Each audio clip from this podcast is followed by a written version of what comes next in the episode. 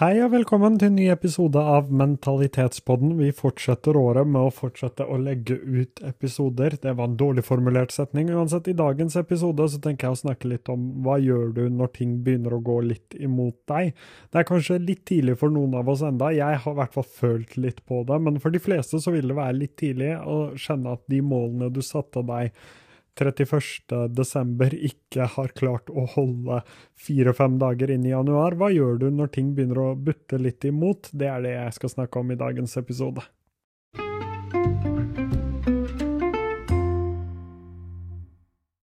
For de av dere som ikke har fått det med dere, så starta jeg året med en øyebetennelse som har vært litt plagsom, og antibiotikaen har slitt meg litt ut, kan man si. Og jeg hadde satt meg en rekke mål eh, før året begynte. Og selv om jeg føler at jeg har fått gjort en del, så er det fortsatt noe som mangler. Og det er også veldig viktig å ta seg pauser når man er i litt dårlig form. Det er jo noe jeg har slitt med å gjøre før, som har skapt problemer for meg. Jeg har jo endt opp med å bli utbrent mange ganger fordi jeg jobber mye når jeg er syk eller når jeg føler meg dårlig. Så det var nok det rette, har vært det rette valget. Å ta pauser og roe seg litt ned. Men du føler allikevel hele tida på at det er noe du burde ha gjort. Og vi lever jo i en verden som går utrolig fort, og det er ekstremt lett å sette seg ned og sammenligne seg med alle andre og hva de får til.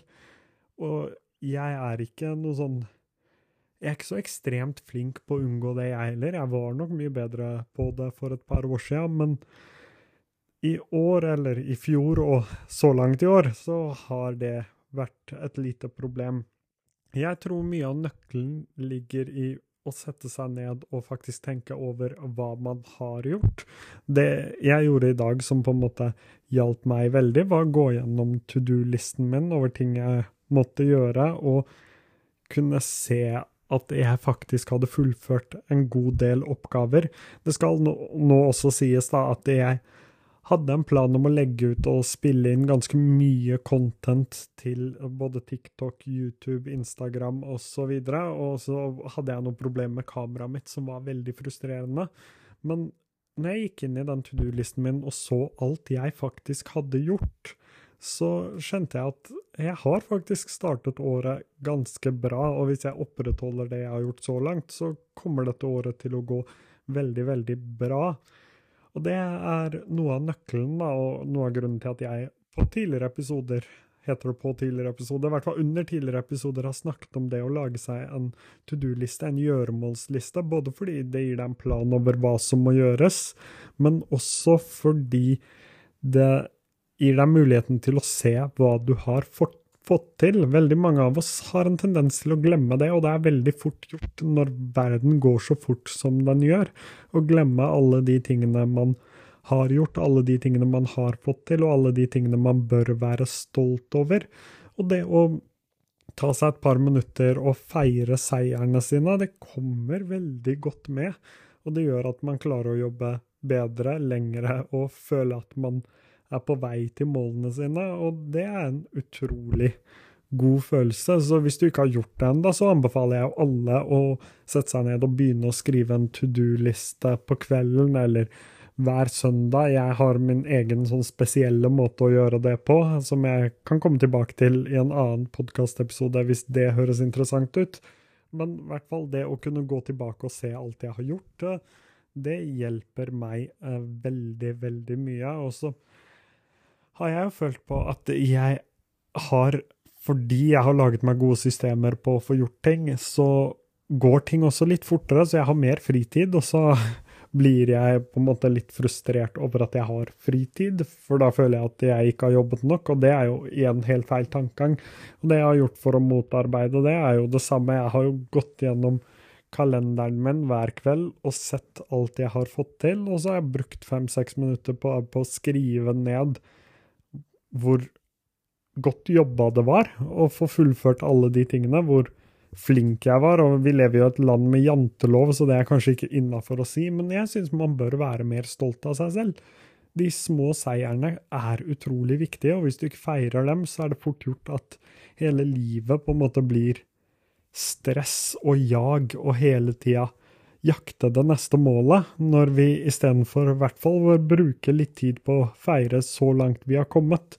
Hver seier, altså hvert mål du har nådd, er et skritt i riktig retning, og alle skrittene dine bør feires. Jeg husker at jeg var ekstremt dårlig på det når jeg var mye yngre. Jeg har blitt mye bedre på det. Og jeg tror veldig mange, spesielt hvis du går på skole også, bare å ha fått én god karakter Jeg husker det her utrolig godt. En femmer var forventa, men en toer eller en treer kunne knuse meg. Til og med en firer kunne gå veldig inn på meg. Jeg feira aldri femmerne mine og sekserne mine, men jeg ble veldig lei meg hvis jeg fikk fire, tre, to og én. Jeg tror ikke jeg fikk den karakteren, men uansett, da. Um, det å på en måte feire de gode karakterene sine og for min egen del så var jeg jo skoleflink, og det hadde jo noe med det å gjøre. Uh, jeg er heldig på den fronten, uh, at jeg er skoleflink. Dessverre så er jeg ikke så motivert for å jobbe med skole. Men poenget mitt, da, for å komme tilbake til det, det er at du er nødt til å sette deg ned og feire de tingene du får til. Hvis du ikke gjør det, så kommer det til å gå veldig, veldig galt. Og så må du også vite at det er fortsatt ganske mange dager igjen av året. Og nyttårsforsett, det er på en måte Det er bare symbolsk at man starter et nytt år, og derfor så skal man gjøre en rekke nye ting for at dette året skal være bedre. Du kan også starte nyttårsforsettene dine, eller målene dine, da, for å heller kalle det det. Du kan starte dem i juli, du kan starte dem i november, i oktober. Det er aldri et riktig tidspunkt for å sette seg mål og føle at man blir bedre og jobbe for å bli en bedre person. Det trenger ikke å være 1.1 du begynner på det det er mange dager i løpet av et år, og som jeg sa i en av de tidligere episodene, du kommer til å feile. Jeg kommer til å feile. Vi alle kommer til å feile. Men det å ikke gi opp, det å fortsette å prøve og fortsette å jobbe med det selv om du har et par tøffe dager, eller dager der hvor ting ikke går helt sånn som de skal, det er jo nøkkelen for å komme seg videre. Det er jo nøkkelen for å gjøre det bedre, det er å ikke gi opp. Det eneste som garanterer deg at du aldri kommer til å få det til, det er å gi opp. Jeg vil heller begynne på noe og gjøre det dårlig i fem-seks måneder og lære av det, enn å aldri begynne i det hele tatt. Og det samme gjelder for målene dine. Du kommer til å feile, du kommer til å rote det til, og du kommer til å lære av det og ta det med deg videre. Og de fleste av oss har utrolig, utrolig god tid på å finne ut av ting. Det haster ikke. Så ikke stress med det, er vel kanskje det aller viktigste. Ikke stress med å få, få det til. Ta deg den tida du trenger. Noen trenger kanskje litt mer tid enn andre. Noen blir syk i starten av året og er nødt til å ta seg en pause. Det betyr ikke at hele året kommer til å være ødelagt. Og det å minne seg selv på det er utrolig viktig. Veldig ofte så er vi nødt til å minne oss selv på ting. Og det siste man kan gjøre, er jo mer praktisk, eh, og det tar gjerne litt tid, men du vil at ting skal ha så lite friksjon som overhodet mulig. Du vil ikke tenke for mye over hva skal jeg gjøre nå, hvordan skal jeg gjøre en ting. Du vil gjerne ha det standardisert så mye som overhodet mulig, for hvis hjernen din slipper å tenke, så går det mye fortere. Vi er ikke skapt for å tenke og huske på ting. Kanskje skapt for å tenke, men i hvert fall ikke for å huske på ting. Prøv å få uh, alt ned på papir, som jeg har sagt før, men også prøv å lage deg systemer som skaper minst mulig friksjon for å gjøre det du vil gjøre. Jeg investerte jo i både en social media scheduler og et kamera for å skape mye mindre friksjon, og det har hjulpet veldig de første dagene av januar, eh, selv om jeg har hatt litt problemer med kamera. Men etter at jeg fant ut av hvordan det fungerer med det kameraet, så ble det utrolig mye lettere. Og det er på en måte mye av nøkkelen. Skap mye mindre friksjon i de tingene du ønsker å gjøre, og da blir det mye lettere å få det til også.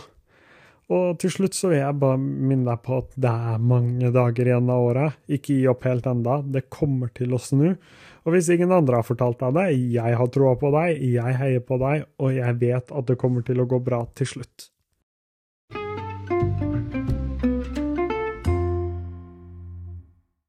Tusen takk for at du hørte på dagens episode av Mentalitetspodden. Som vanlig, følg meg hvor enn du hører podkasten, og så satser jeg på at vi høres snart igjen.